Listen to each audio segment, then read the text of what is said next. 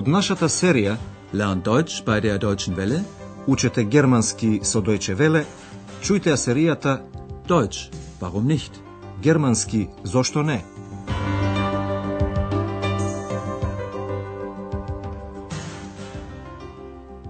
Liebe Hörerinnen und Hörer. Драги слушателки и слушатели, денес ќе ја слушнете деветата лекција од четвртата серија. Во минатата емисија слушнавте нешто за филмските студија во Бабелсберг. Таму се снимани многу познати филмови, а денеска се прават напори оваа традиција да се продолжи. Преку Бабелсберг, европскиот филм би можел да добие поголемо значење. Слушнете го тоа уште еднаш и внимавајте на зависната реченица воведена со damit. Dort sollen viele Filme gedreht werden, damit der europäische Film wieder mehr Bedeutung bekommt. Во денешната лекција со наслов Пилјарка, eine Kräuterhexe. Андреас и Екс се шетаат низ убавата природа на Хавеланд. При тоа тие сретнуваат една жена која собира билки, Kräuter, и тоа коприви, Brennnesseln. Андреас започнува разговор со жената. Слушнете од разговорот што прави жената со билките. Was macht denn die Frau da? Ich glaube, sie sammelt Kräuter. Und was macht sie damit? Keine Ahnung.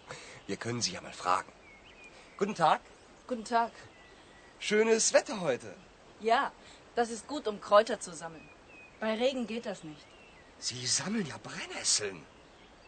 Tut das nicht weh? Nein, ich habe doch Handschuhe an. Und was machen Sie mit den Brennnesseln? Tee. Brennnesseltee. Der ist sehr gesund. Dazu sage ich lieber nichts. Aber Brennnesseltee schmeckt wirklich gut und ist außerdem eine gute Medizin.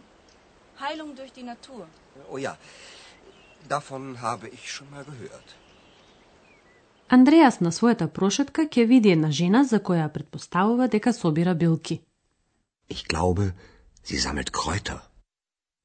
Екс воопшто не може да си замисли што ќе прави жената со копривите. Таа прашува, а што ќе прави со нив? Und was macht sie damit? За да го дознае тоа, Андреја сака да започне разговор со жената, а од искуство се знае дека тоа налесно се постигнува со забелешка за времето. И така Андреа звели, денес е убаво времето. Schönes Wetter heute. Разговорот е започнат, жената го прифаќа и одговара. Да, добро е за собирање билки, кога врне не може да се собираат. Ja, das ist gut, um Kräuter zu sammeln. Bei Regen geht das nicht. Кога Андреас поточно ќе се загледа со ужас, приметува дека жената всушност собира коприви. Пренеселн. А како што знаеме, тоа боли, бидејќи копривите печат во допир со кожата. Sie sammeln ja Brennnesseln. Tut das nicht weh? Но жената се штити со ракавици. Handschuhen. Nein, ich habe doch Handschuhe an. Андреас дознава дека жената од копривите прави чај. Und was machen Sie mit den Brennnesseln?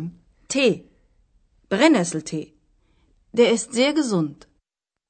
Андреас е многу скептичен. Затоа подобро не велам ништо. Dazu sage ich lieber nichts. Жената го приметува двоумењето на Андреас и вели дека чајот од коприви не само што многу е вкусен, туку и дека е добар лек. Aber Brennnesseltee schmeckt wirklich gut und ist außerdem eine gute Medizin. Heilung durch die Natur. Андреас се сеќава дека и доктор Тюаман еднаш ги употреби истите зборови. О, да, сум чул нешто за тоа. Oh ja, davon habe ich schon mal gehört. Во вториот дел од разговорот, Андреас прашува какво е дејството, Wirkung, на копривите. Жената објаснува дека копривата е добар лек против реума, ројма. Слушнете го тој дел од разговорот и внимавајте што Андреас ќе каже за билјарката. Und wie geht das? Heilung durch die Natur? Ich möchte darüber einen Artikel schreiben. Sie müssen die Kräuter natürlich kennen und ihre Wirkung.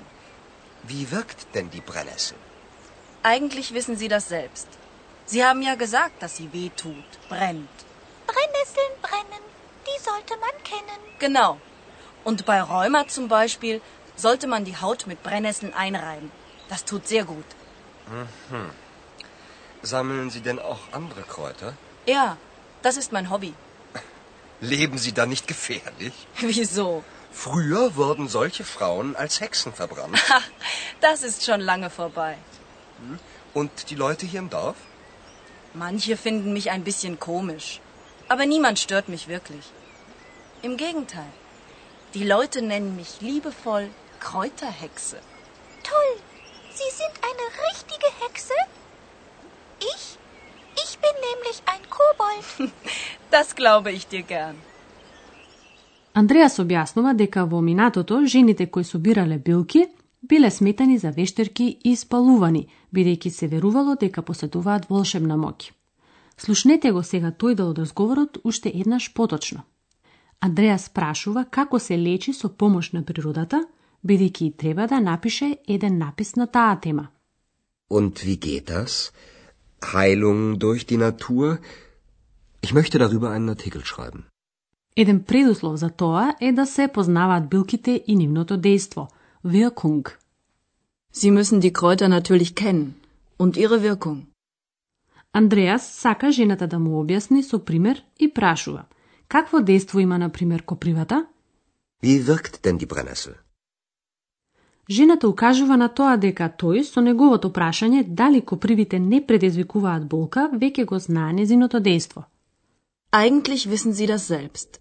Sie haben ja gesagt, dass sie weh tut, brennt. Токму тоа дејство на копривата е многу лековито бидејќи го потикнува крвотокот. Жената објаснува, при реума кожата треба да се масира со коприви. Тоа е многу корисно. Und bei Rheuma zum Beispiel sollte man die Haut mit Brennnesseln einreiben. Das tut sehr gut. Корисно е, но секако пече.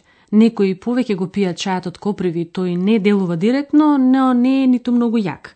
Собирањето билки на жената и е хоби. Хоби.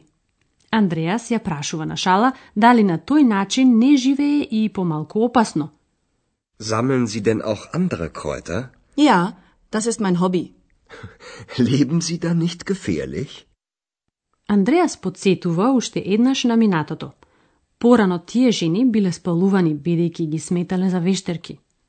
Früher wurden solche Frauen als Hexen verbrannt. Но тоа време сега е минато. Жената раскажува дека луѓето во селото малку ја сметаат за чудна, но дека никој не ја пречи. Und die Leute hier im Dorf? Manche finden mich ein bisschen komisch. Aber niemand stört mich wirklich. И додава, напротив, луѓето од милост ме нарекуваат вештерката со билките. Im Gegenteil. Die Leute nennen mich liebevoll Kräuterhexe. Екс се разбира дека е водушевена што сретнала вистинска вештерка и со радост и вели дека и таа е коболт. Toll. Sie sind eine richtige Hexe? Ich? Ich bin nämlich ein Kobold. А мудрите жени не се ни чудат што постои нешто такво. Das glaube ich dir gern. Сега ќе ги напуштиме тројцата и ќе ви го објасниме поврзувањето на различни препозиции со да.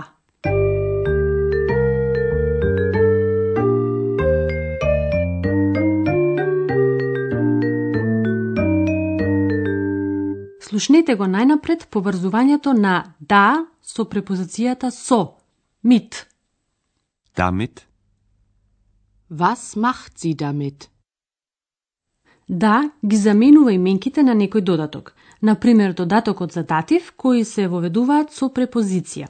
Еве еден пример. Machen mit. Was macht sie mit den Brennnesseln? Was macht sie damit?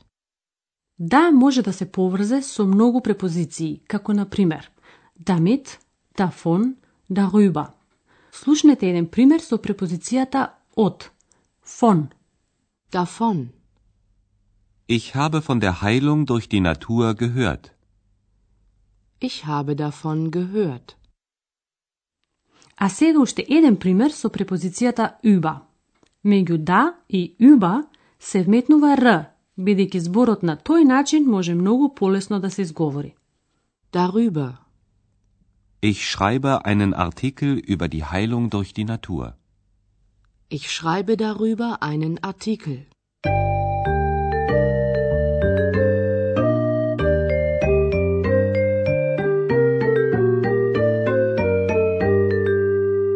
крајот слушнете ги уште еднаш двата разговори. Седнете удобно и слушате внимателно.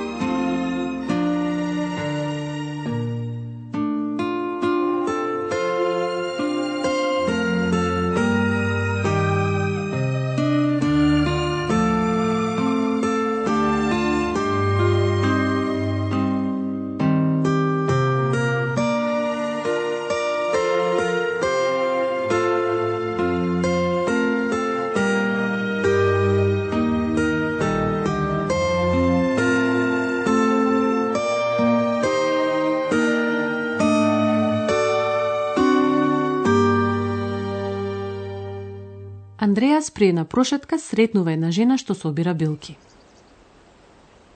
Was macht denn die Frau da? Ich glaube, sie sammelt Kräuter. Und was macht sie damit? Keine Ahnung. Wir können sie ja mal fragen. Guten Tag. Guten Tag. Schönes Wetter heute. Ja, das ist gut, um Kräuter zu sammeln. Bei Regen geht das nicht.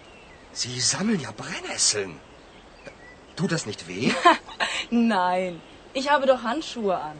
Und was machen Sie mit den Brennnesseln? Tee. Brennnesseltee. Der ist sehr gesund. Dazu sage ich lieber nichts. Aber Brennnesseltee schmeckt wirklich gut.